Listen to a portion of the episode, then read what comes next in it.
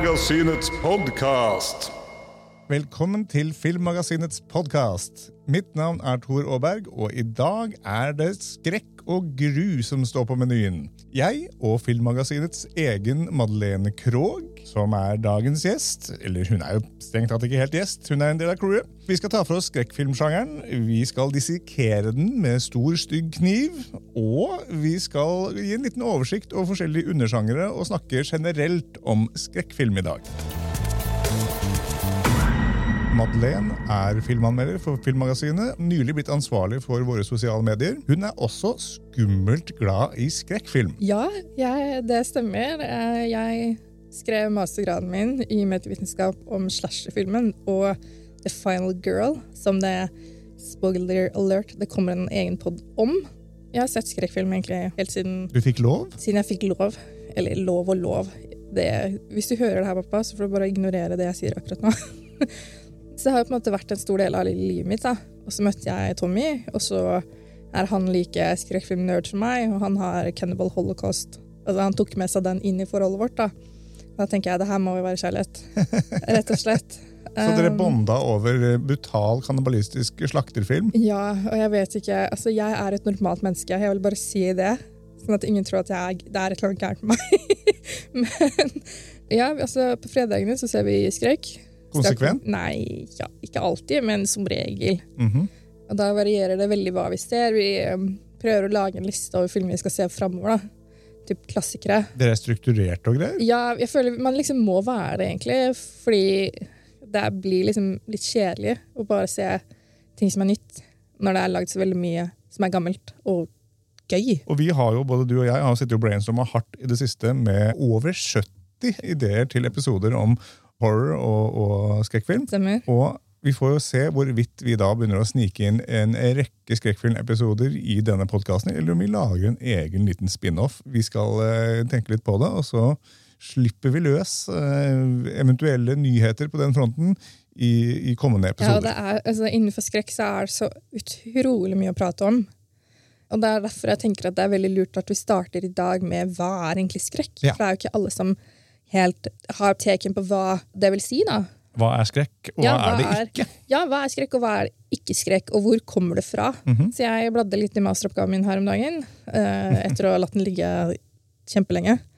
Og jeg har funnet tilbake til de tingene jeg skrev om historien da, bak sjangeren. Da. For det er jo en kjempegammel sjanger. Ja, og den kommer Faktisk. kanskje fra litteraturen? Ja, altså, det er jo der de gode tingene starter, som regel. Vi må også huske at filmmedia er ganske nytt, sånn sett i den store sammenhengen. Hvis man sammenligner det med f.eks. fotografi, da, Mhm. som er veldig mye eldre. ja, ja. Så kom første filmvisninga i Norge var i 1896. Det er ikke så lenge siden. Nei, det er faktisk ikke det. Og det tror jeg egentlig ikke man tenker over. da. At filmen som medium er ganske ny. Det betyr også at det har skjedd veldig, veldig mye. da. Men det begynte vel som sagt, altså, litteraturtradisjonen rundt skrekk har jo eksistert i flere århundrer. og det er jo mye å trekke på der som filmbransjen strengt tatt eh, benytter seg av. Ja, altså, jeg tenker at Vi skal gå tilbake til Mary Shelley sin Frankenstein. Mm. først og fremst, fordi Det er på en måte der horrorbegrepet først ble brukt. da. Og spesielt Bram Stoker sin Dracula. Som er, det er en klassiker, og man burde lese den boka. rett og slett. Og det begrepet med horror da, har på en måte vært tilknyttet litteraturen helt siden det ble skrevet bøker da, som skulle skremme og sjokkere. og sånne ting. Og en ting med Frankenstein er jo historien bak hvordan den ble skrevet, som også er kjempefascinerende. Hvor Mary Shelley og masse andre forfattere ble stengt inne på et slott hvor det var så dårlig vær, så de hadde konkurranse om hvem som kunne skrive den mest skrekkelige boka. da. På et slott. Hvor lang ja, tid hadde hadde de på det? Jeg, jeg, er Jeg tror de var der kanskje jeg husker, i hvert fall noen uker. stengt inne i et slott noen uker. Av hvem er det som stengte dem inn i det slottet? Nå er jeg Jeg vet ikke. Jeg husker ikke akkurat de detaljene, men Var det et forlag? Bare, nå skal vi cashe big time på skrekkbøker! Altså, Mary Shiller var jo en veldig sånn annerledes person. Hun hadde visstnok hatt sex på graven til moren sin. liksom. Det er, um, Det er ganske Ja, spesielt. det er veldig spesielt. Men jeg tenker jo også at horror har på en måte hatt to forskjellige betydninger da, for publikum. Ja. Man har på en måte to forskjellige typer horror, da, ifølge Noel Carroll, som har skrevet masse bøker om det her, og er filosof. Mhm. Vi har art horror, som er på en måte det vi tenker på som horror. da. Altså Ja. litteratur og film. Og så har vi natural horror. Jaha, og hva Eh, er det? Det er på en måte, handler om utsagn som mennesker kan komme med som har et skrekkelig budskap. da. Sånn som at eh, nazistene What the Nazis did was horrifying. Det Ja. er på en måte natural horror. Og så har vi art horror, da, som er på en måte litteratur og film. Og alt det som er, kommer ut av kunst. Vil det si på en måte at man kan kalle det realistisk horror eller skrekk fra virkeligheten? Ting som er så grusomme at det, du- hvordan ville dyr river i stykker hverandre og spiser innmaten, liksom. Det stygge i, i Ja, verden. altså, ja, det stygge i menneskeheten, da. Ja, Med ja. nazisme og Drap. ja, drap, alle disse tingene der. da. Og hvordan det er noe annet enn horror som er Fiktivt. ja, fiktivt, rett og slett. Og vi vet jo at Frankenstein er fiktiv, og Dracula er fiktiv. Hva? Ja, ikke sant?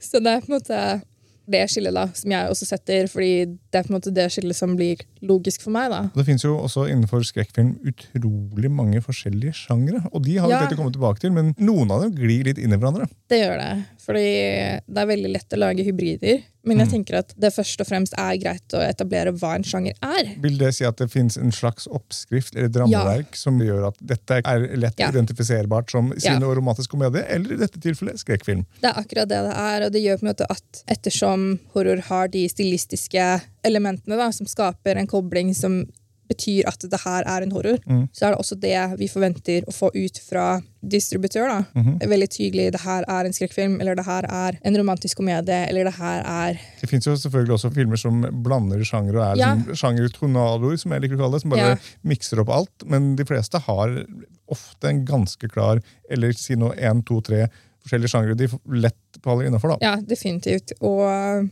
man har på en måte sjangerhybrider i andre sjangere også enn kun skrekk. da. Så Romantisk komedie er jo på en måte en dramakomedie, mockumentary. Så det er jo veldig mange typer hybrider man kan lage. Ja. Splatterkomedie. Ja, Splatterkomedie er min Splatterromantikk. Ja, jeg har ikke sett splatterromantikk ennå, men det kunne jeg fint tenke meg å se, egentlig. Men splatterkomedie er jo kanskje en av de sjangerne som også står mitt hjerte nært, da, fordi det er gøy, Mm. og man vet at det er fiktivt, og det skader ingen. Det er sant. Det er morsomt. da. Enig, enig. Men vi kan jo diskutere litt hvorfor ser vi egentlig på skrekkfilm? Hva får mennesker ut av å se på skrekk? Altså, Vi kan ta faglitteraturen først, da, Ja. som sier at det er på en måte den effekten da, som filmen har på sitt publikum, at horror skal skape frykt. Mhm. Eh, og Det kan vi jo på en måte se fra Frankenstein, som var ganske sånn brutal når den kom, og Nosferatu fra 1922, Ja. til moderne filmer da, som The Conjuring og Eksorsisten. Ja. At de filmene skal skape en reaksjon da, hos sitt publikum. Det skal skape avsky, frykt, Ubehag? ja, veldig mye ubehag. Og det er- går også på det psykologiske, da. Vi ser jo ikke bare monstre og Nei, nei. disse tingene. Og jeg tror det er et veldig viktig poeng, da, at det er veldig mye psykologisk horror der ute også. Og det kan ofte treffe oss på en litt mer øh, Litt- annerledes ja, måte. Et monster måte. kan du lettere se bort ifra enn en film som tar for seg de mørkere sidene av menneskets syke. For da er ligger det litt nærmere kanskje virkeligheten. Så det, det, det, Det er, er akkurat det. Så det er jo veldig mye realistisk horror. Veldig mye skrekk som kan være uttrykk for mentale sykdommer. Da. Sånn som Mm. min tolkning av The Babadook, som jeg ser på som en tolkning for sorg og depresjon. egentlig. Ja. Så det er jo veldig mange måter man kan tolke det på. da.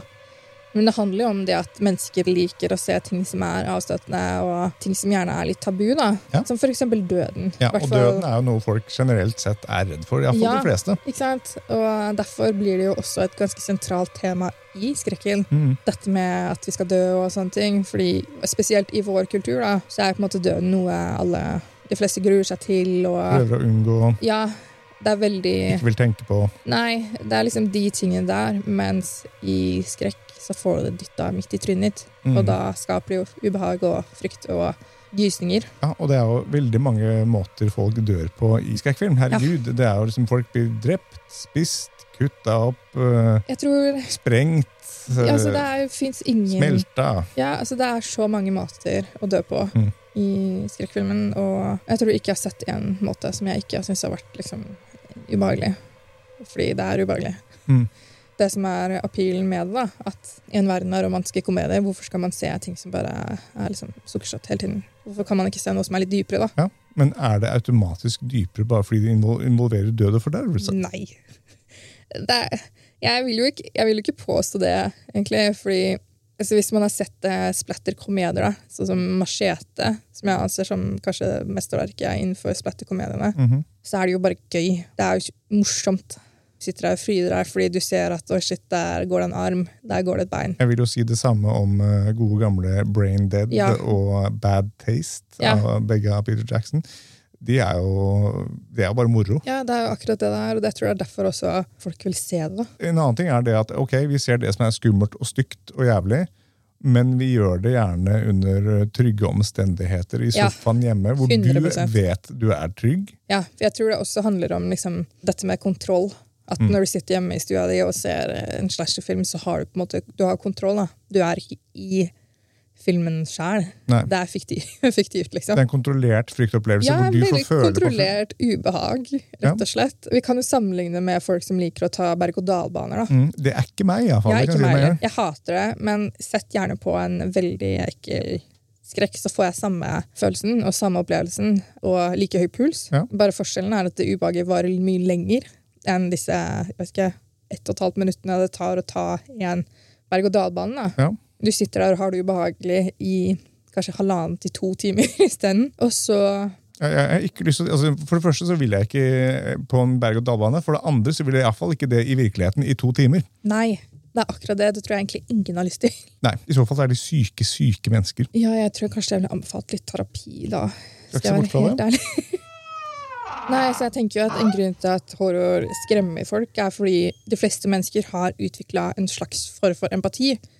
Og da kan vi også sympatisere med disse rollefigurene som vi ser er i ferd med å bli drept. Da. Så det appellerer på en måte til empatien vår, og fordi de fleste liker jo ikke å se mennesker bli spidda. Hvis Nei. du liker å se det, så tenker jeg at da, da trenger du Ja, terapi. altså, liksom. eller, altså det, jeg, jeg kan se flere måter. Selvfølgelig så er det det empatiske, hvor du, du kan leve deg inn i både følelsene deres og livet deres. Og, 'Å nei, pass deg, ikke gå inn i det rommet'. Ja. Det er klart, og det er på en måte selvfølgelig noe Vi, vi identifiserer oss med dem. Men jeg kan også, hvis det er noen kjipe folk i en skrekkfilm, så kan jeg godt humre godt idet de blir spidda og maltraktert. Jeg liker å holde det mørke og grusomme i livet mitt fiktivt. Jeg kan godt være gruelig ond og grusom på spill og gjøre stygge, stygge ting.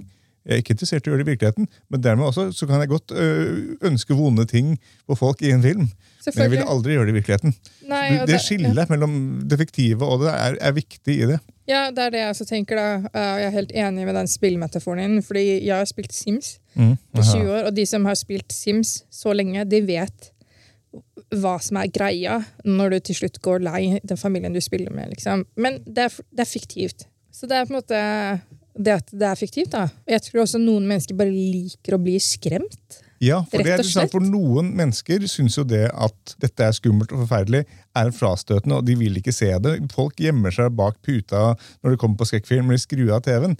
Andre blir morbid fascinert og bare 'oh, mer', oh, Ja. spennende. Det er akkurat det. og Jeg har hatt en opplevelse hvor jeg faktisk er på ramaskrik, hvor jeg måtte sove med lysene på. Oi, hva hadde du sett da? Da hadde jeg sett The Deep House, som er en fransk fransk-engelsk undervannsslasher. Og den så jeg i en kinosal, og det var en helt forferdelig opplevelse. Men jeg har sett den i etterkant, og det er, jeg tror det er den at jeg så den i en kinosal. som er greia. Og jeg så også den Fall-filmen, som er, handler om de to som er stuck i det tårnet. Og den så jeg også i en kinosal. Så jeg tror på en måte at jeg opplever i hvert fall mye mindre ubehag når jeg ser det andre steder enn kinosal, for da får du det dytta så midt i trynet, og du kan ikke sette film på pause. Du har Og- ingen puter hjemme der bak? Nei. Du kan ha på deg caps liksom, og dra den ned, men det er på en måte ikke like mange måter å komme seg unna på. Det er egentlig derfor man burde se skrekk på kino også. For å virkelig få den gode Ja, For å virkelig få ha det vondest mulig. Og det er et mål i seg selv, vil jeg si. Når jeg skal, skal, skal se skrekkfilm, så har jeg lyst til å bli skremt. Jeg har lyst til å bli redd, jeg har lyst til å bli syka ut, jeg har lyst til å bli forstyrra på et eller annet plan. Jeg tenker at Det er veldig sunt da, å på en måte tenke det, fordi da er du på en måte i kontakt med alle sine i følelsesregisteret. Mm. Tror ikke man har så vondt av å liksom, bli skremt da, i kontrollerte omgivelser. Adrenalinet pumper litt. Ja, altså det, jeg syns det, det er gøy og godt, liksom, når du har sett en bra skrekk, og så kan du diskutere det med noen, og så bare «Ah, ja, jeg syns den scenen hvor det og det skjedde, var, liksom, det var helt forferdelig å se på, men det var gøy. Og så kan det jo, hvis man skal strekke det langt, øh, være jo sånn at det, er jo god lærdom i ikke gå inn i det skumle huset der hvis du måtte finne et skummelt hus forlatt i skogen mens du er ute og går tur. Jeg vet ikke. Ikke gå inn i det. Nei, men samtidig så altså, Noen av oss vil jo kanskje gå inn i det. Bli, ja. ja, det er den nysgjerrigheten. da, Og en av mine gode venninner gifta seg i Luster kommune Mhm. eh, på Vestlandet.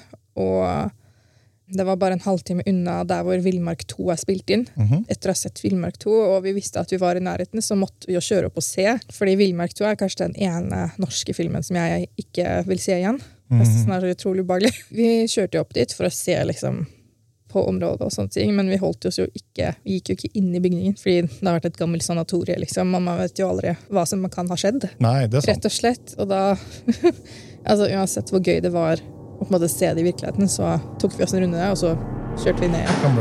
Jeg har også vært i gamle sanatorier før. Fant en sånn gammel uh, rullestol i en kjeller og Ja, nei, barnetegning på veggen. og sånt. Nei takk. Det, Veldig freaky. jeg tror jeg fint klarer å stå over. Mm. Og det, var sånn, det er sånn sted i Moss hvor jeg bodde, det var sånn snakk om at under krigen så hadde vært noen nazi der. og sånn, masse sånne eksperimenter. hvor Sånne ting er litt freaky. Ja, da er det i hvert fall når du møter på det i virkeligheten. Det er noe helt annet å se på en måte den type på film. da. Men vi skulle snakke om undersjangere. Vi kan jo begynne kanskje med gothic horror. Ja, Gothic horror er jo på en måte den klassiske greia med Frankenstein og Nosferatu og sånne ting, men Nosferatu var også en tysk ekspresjonistisk film Ja. fra 1922 som er Den er verdt å se. eh, Rett og slett fordi den er over 100 år gammel, men den har holdt seg, liksom. Men er Nosferatu, eller Nosferatu, alt, hvordan du ønsker å, å uttale det, er den eldre enn Bram Stokers Dracula? Boka, er spørsmålet mitt. Boka er fra 1800-tallet. Ja. Den er jo yngre, men det er jo ikke så veldig mye som skiller. Det finnes jo mange vampyrmyter selvfølgelig, som er mye eldre enn som så, så det er jo mulig forskjellig inspirasjonsmateriale. Ja, altså, Vampyrenes historie er jo kjempelang, og vi har på en måte flere kulturer som har vampyrlignende skapninger. Mm. Ja, ja. Og jeg så siste vampyrfilm for ikke så lenge siden, når jeg så Renfield, Ja. som var en veldig gøy filmopplevelse. En vampyrkomedie? Ja, en vampyr, splatter, drama, romantisk komedie. Veldig mange sjangre. Men da hadde de på en måte fokuset på Renfield, da, som er Dracula sin høyre hånd. Mm. Eh, og det syns jeg er en veldig underkommunisert del da, av vampyrens historie. liksom. I hvert fall Dracula sin, sin historie. da. Ja. Han har alltid noe som kan hjelpe han. Jeg driver også og ser på What We Do In The Shadows, den serien, Elsker den som er kjempemorsom. Fantastisk morsom. Det er et eller annet med Vampyrkomedie funker, altså. Ja, og alle burde se filmen. Ja, både også- filmen og serien. De er to litt separate ting, men begge deler er Så- veldig bra. Vi har jo også supernatural horror, da. Men før vi går til supernatural horror, så vil jeg snakke litt ok, vi har snakka om gothic horror. Men jeg kan snakke ferdig. Spørsmålet er, Hva er kjennetegnet til gothic horror? Kjennetegnet til gothic horror må jo være at det på en måte er altså, tatt fra gotisk litteratur, da, som Ja. Frankenstein, og at det gjerne er et eller annet som er gærent med mennesket. Veldig ofte med mennesket, men det hender jo sånn som med, I flere av disse så er jo da eh, Frankenstein er jo et slags monster, så det hender det er mennesker satt opp mot monster. Ja, Men det er alltid en slags form for overmakt, hvor mennesker er i en litt sånn utsatt posisjon. ja. Man kan jo også si at egentlig all horror handler om makt til en viss grad. Ja, ja. Er spesielt i Frankenstein, hvor det er Frankenstein som er doktoren, ikke monsteret. Nettopp. Mange tror jo det. Ja, det er jo Frankensteins monster. Og Dracula er jo også en veldig sånn god måte å diskutere makt. Mm. Hvor mye makt har Dracula egentlig?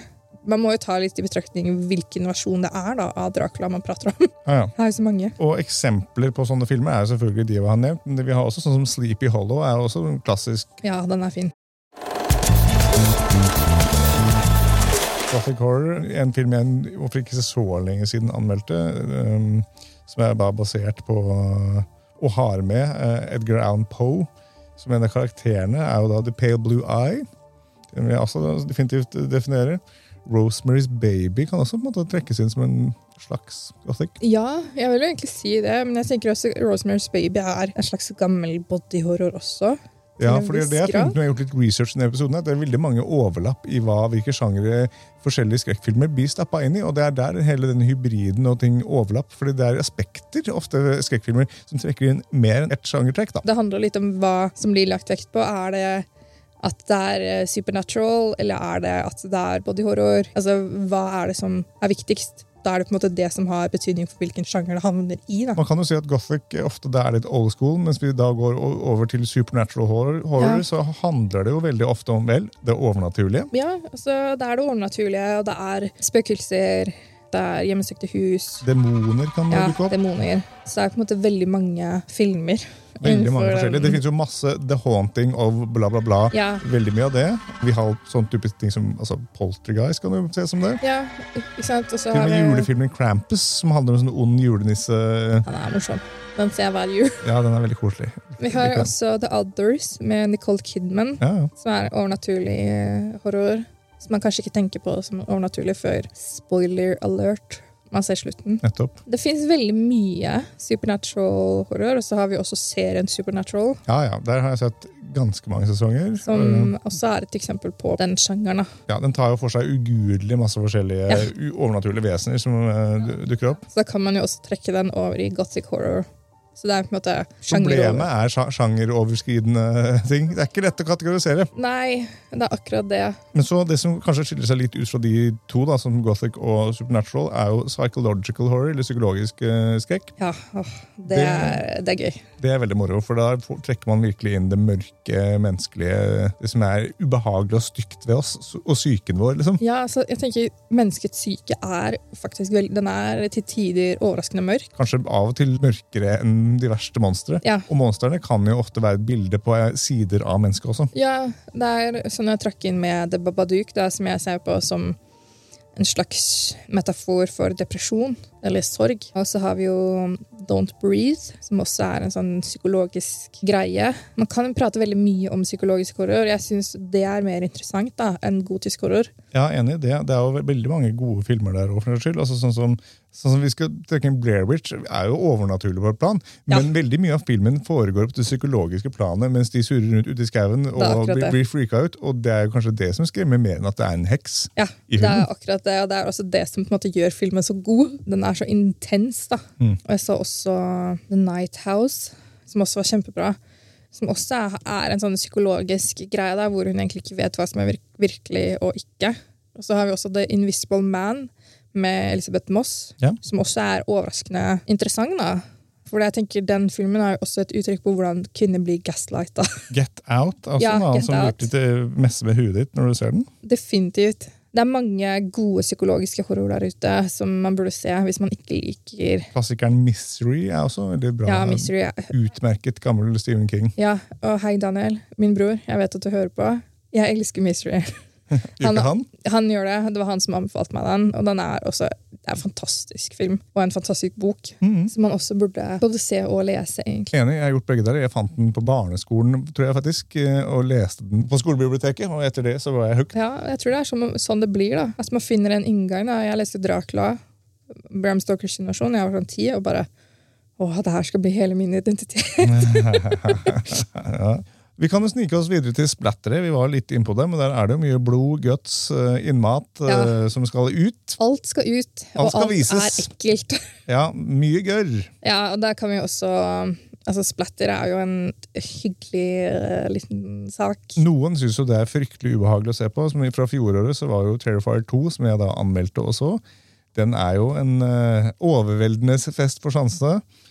Ja, Sånn morderklovn som virkelig skamferer og kreativt sadistisk gjør stygge, grusomme og helt forferdelige ting med menneskekroppen. jeg klarte bare å se et kvarter av den første, fordi mitt svake punkt er klovner. Ja. Så jeg har ikke sett Terrifier 2. Jeg kommer aldri til å gjøre det heller. Eh, rett og Det er ikke den for deg. Det, er ikke, det er ikke en film for alle mennesker. Nei, jeg ikke. tror absolutt ikke det. Jeg likte den, men altså, det er underholdning. En veldig spesiell type underholdning. Det er jo akkurat det der. Vi nevnte jo også Evil Dead. Nei, Evil Dead nevnte vi ikke, men den, det er jo splatter-aspekter er der òg. Og Brain Dead. Men jeg så også nylig en koreansk film som heter Project Wolf Hunting. Den gleder jeg meg til å se. kjenner jeg. Den er jo to timer lang, og de brukte 2,5 tonn med blod under innspillingen av den filmen. Jeg tenker 2,5 tonn. Da har du virkelig fleska til. Det er mye liksom. blod i den filmen. Altså, jeg har jo da jeg anmeldte jo både Terrifier 2 og den her. Dette er årets mest blodige film. Det er så mye blod. Herregud, det er så mye blod. Og det er to timer med pur vold. Det er mer blod i Project Wolf Hunting enn det er i Terrifier 2, men det som er tingen med Terrifier, er jo at den er mer kreativ i sadismen sin. Så jeg vil si at underholdningsverdien på Terrifier 2 er bedre, Ja. mens den andre er jo morsom, den òg. Men det, ja, to forskjellige typer blodig gørrfilm. Ja, så jeg tenker jo også på så. Ja, ja, det er også Men jeg tenker den Klassisk. også glir på en måte litt inn i um, clasheren. ja, og litt psykologisk Ja, så den er på en måte alt. Men så den første er kanskje en av mine favoritter, fordi den er tvers gjennom fantastisk lagd. Mm. Eh, Det er en historie, og eh, jeg likte også Jigsaw. Ja, ja. Men det er på en måte den franchisen, det er ikke alt som er like bra. Det er veldig mye av det som er dritt, rett og slett. Ja, jeg har sett alle sammen, jeg òg. Og ja, ikke alle er like bra, nei. Nei, Der er vi helt enige. Den første er, jeg synes er, den første er et mesterverk. Rett og slett, for den er på en måte så enkel og liksom ren og eh, ubehagelig. da. Jeg tror er også derfor jeg likte den så godt. da, på en måte At den er det den er. Mm. Den legger ikke skjul på noe. Nei, den bare, du vet hva du får, liksom. Mm. Men du får også noen overraskelser og ganske mange plot twists underveis. da. Du nevnte slasher. Ja, og slasherfilmen. Oh, Det er jo tilsynelatende ut fra masteroppgaven din i hvert fall en, en sjanger du liker ganske godt. Ja, jeg elsker slasherfilmen. I slasheren så har du jo et sett med karakterer, og en av de er The Final Girl, Ja. som vi også skal ha en pod om. Det er hun som overlever, og hun dukka opp i Motorsagmassakren, som kanskje er den første eh, og mest interessante slasherfilmen, hvor det er noen som skal jaktes på. da. Ja, Det er alltid noen som skal jaktes på i disse filmene. på, og her skal det gjerne jaktes på med alle typer ekle verktøy. da. Ja, som Gjerne av noen skumle mordere, kanskje. Og Ja. Om de så er overnaturlige eller menneskelige, så er det mye av det. Det er, det er fiskekroker, kjøttøkser, det er, Det er mye. kniv. Det er masse kniv, masse Litt øks. macheter, Ja. øks. Men det med Motorsagmassakren er jo Motorsag, ja. kjempeinteressant, fordi den er jo basert på en ekte historie. Det gjør det noe, til noe annet. Det gjør det til noe annet, ja. Med Ed Gein, som visstnok drepte folk og flådde de og og, sånne ting. da. Ja, det er ganske brutalt. Det er veldig mye som er veldig brutalt, egentlig. Så Innenfor slasheren så har du også hybrider. da. Du har slasher science fiction, Mhm. eller sci-fi horror, da, som Alien, mm. som også er en fantastisk film. Den holder seg så bra. Absolutt. Og jeg vil jo trekke inn min favoritt, som er Hush Som av en- Mike Flanagan. Ja, men er, Har det noen sci-fi-aspekter, den? Nei, den er ikke sci-fi, men det er også en sånn ren eh, slasher, da.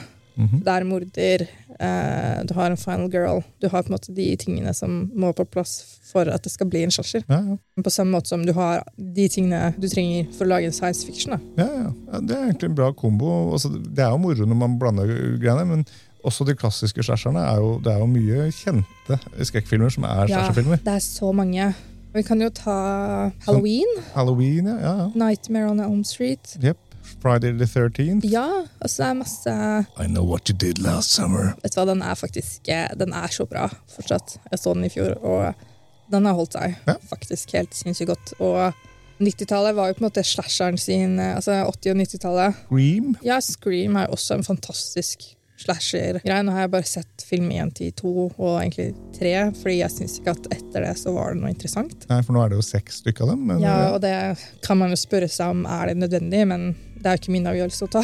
ja, nei, nei. rett og slett. Så det er veldig mange av filmene man ser i populærkulturen, kan være slasherfilmer. Mm. Og Halloween, som nylig har fått en liten reboot med originale Jamie Lee Curtis, også det er jo kjempegøy å se ting liksom på nytt. Og innenfor film så går jo ting i ja, ikke sirkler, men altså, det, det går i ja, i sykluser. At jeg tror vi er inne i en ny måte å lage skrekk på nå da, enn vi var på 90-tallet, egentlig. Jeg tror at en av de som kan ha litt creds for det, er James Wan Mm. med The Conjuring og de tingene der. Og også litt av den franske bølgen som jeg har sett med Titan og Raw og disse filmene der. da, at det kommer veldig mye spennende film fra Europa. Og min absolutte favoritt som jeg så i fjor, var Speak No Evil.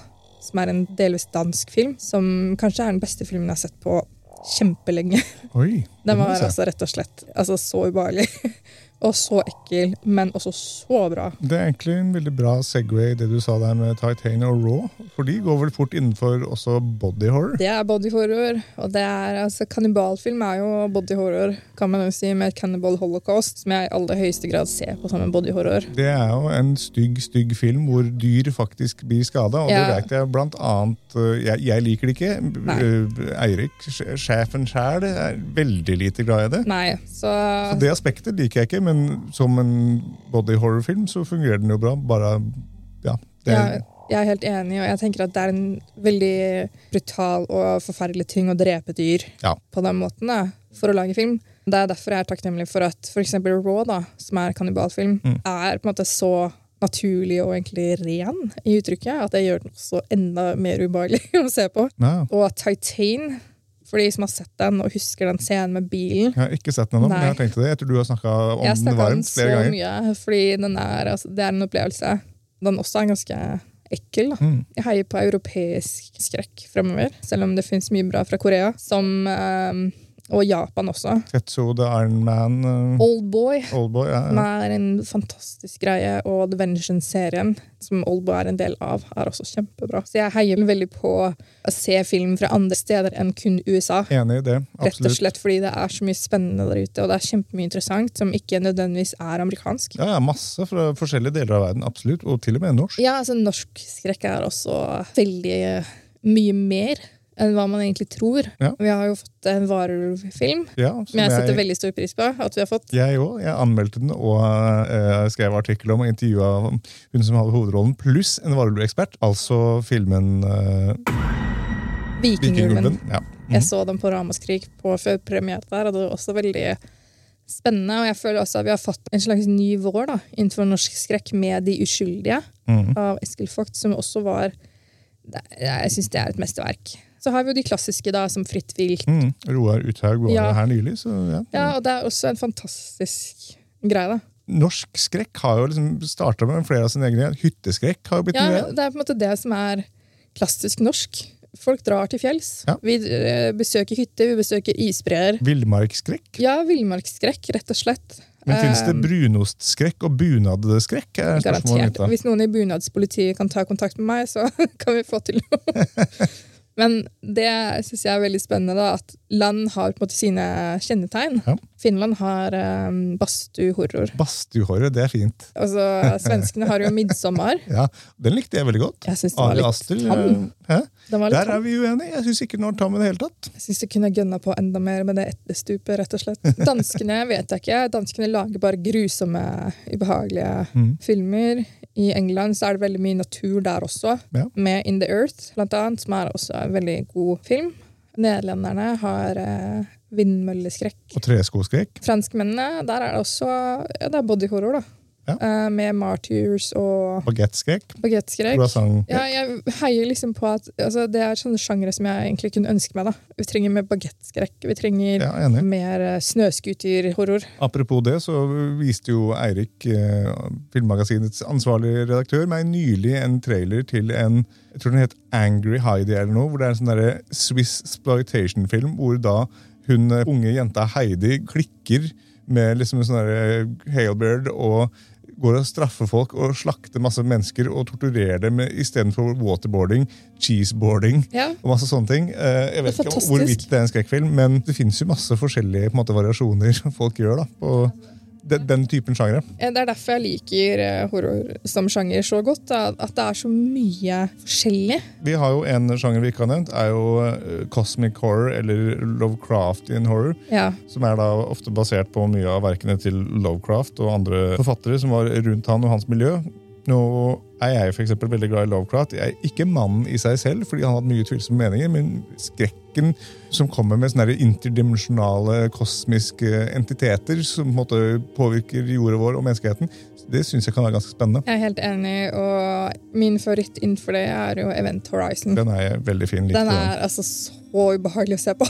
Mm, You don't need eyes Ja, åh, den er så ekkel, men den er altså så fascinerende å se. Altså, det, det er min favorittfilm innenfor den sjangeren. Jeg tror at Når man har sett så mye skrekk, så har man på en måte noen favoritter innenfor hver sjanger Ja, ja. som man også kan anbefale videre. Og jeg tenker at hvis man skal begynne, så skal man begynne med Nosferatu. Mm. Du starter på begynnelsen, du starter med en tysk ekspresjonisme, og så ser du kanskje M. Mm. Dr. Caligaris Ja. Dr. Caligaris kabinett. Du ser på en måte Murnau sine filmer, da. Mm. Og så beveger man seg videre, og så kommer man til 60-tallet med George Romero sine zombiefilmer.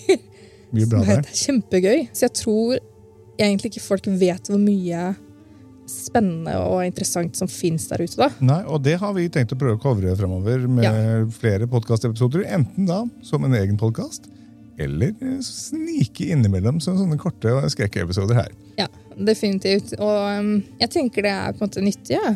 Og uh, de, de fleste vet jo ikke hva er egentlig skrekk. da. Her driver vi på med folkeopplysning, med og folkeopplysning. eller anbefaling av Ja, eh, Så det kommer nok til å bli sånn at vi kanskje anbefaler tre filmer da, fra den sjangeren. Så kanskje igjen nevner vi våre favoritter. Kan jeg si at min absolutte favoritt er Nosferatu. Men med A Clockwork Orange på en god andreplass. Den er også veldig bra. Jeg liker Den er begge filmene. kjempemerkelig. Ja, den har jeg sett den mange ganger. Veldig glad i. Liker generelt sett uh, godeste herr Kubrick han er undervurdert. mm. Han finner seg jo sine favoritter, men jeg har også sett veldig mye dårlig.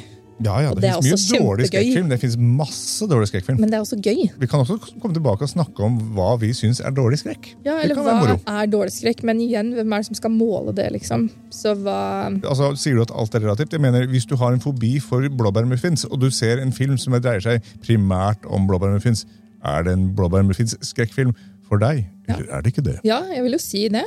Så jeg Nei, kanskje ikke. kanskje Jeg liker ikke klovner. Jeg ser ikke klovnefilmer, men nei. Jeg tenker da, Vi kan jo også dra inn serier, Ja, ja, eh, som American Horror Story, Det er det masse å ta hvor første sesong er altså min favoritt. Den er så bra. Jeg liker noen av de andre òg. Jeg har sett mesteparten. Ja, så vi kan gå tilbake til det. Det er jo mye, det er mye å ta. Det er en gammel, veldig gammel sjanger. Den er ikke så mye eldre enn film med i seg selv, faktisk. Ja. Og så kommer det jo mye, det kommer jo mye interessant fremover også. Ja, Vi kommer jo til å lage egne episoder om ting som kommer også. absolutt. Det er masse der. Det er masse freaky aliens, ufoer, alt som eh, kan eh, trekkes inn her. Jeg tenker kanskje at vi skal la skrekken råde nå, holdt jeg på å si, og komme sterkere tilbake med mer skrekk snart. Det høres ut som en veldig god idé. Det var skrekkelig hyggelig å snakke med Ja, deg det i er så skrekkelig hyggelig å prate om favorittsjangeren min. Er det noen steder folk kan følge deg på sosiale medier? Ikke følg meg på Instagram, jeg legger ut bilder kanskje en gang i halvåret. Um, følg meg på Twitter, Mhm. At Madeleine Kroy. Det er egentlig det eneste hvor jeg er. Og så jeg er på Letterboxd, Ja. som er et uh, medium man bruker for å anmelde film. Ja. Jeg logger alt jeg ser. Fordi jeg er nødt til å huske hva jeg har sett. Og så er det jo bare å lese ting på Filmmagasinet sin nettside, for vi anmelder film. Ja. Jeg anmeldte også 'Marerittet', som er en norsk horror. Som jeg syns var ganske over middels. Så ja, egentlig bare Det er der jeg er. I, til og med jeg har jo kasta meg på og oppdatert uh, Instagramen min, så følg meg på Instagram på at Tor underscore Aaberg, eh, eller på Twitter med to, at Tor Aaberg. Perfekt. Ferdig! Da sier vi takk og farvel. Ha det bra. Ha det!